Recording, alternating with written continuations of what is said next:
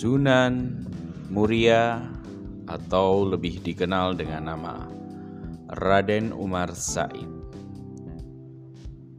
Sunan Muria adalah seorang wali songo yang sangat berjasa bagi penyebaran Islam di Nusantara khususnya di daerah pedesaan. Tapi putra Sunan Kalijaga ini dikenal suka menyendiri dan tinggal di desa bersama rakyat biasa demi menyiarkan agama Islam. Sunan Muria berjuang menyiarkan agama Islam di desa-desa di Pulau Jawa yang pada saat itu memiliki kepercayaan Hindu-Buddha.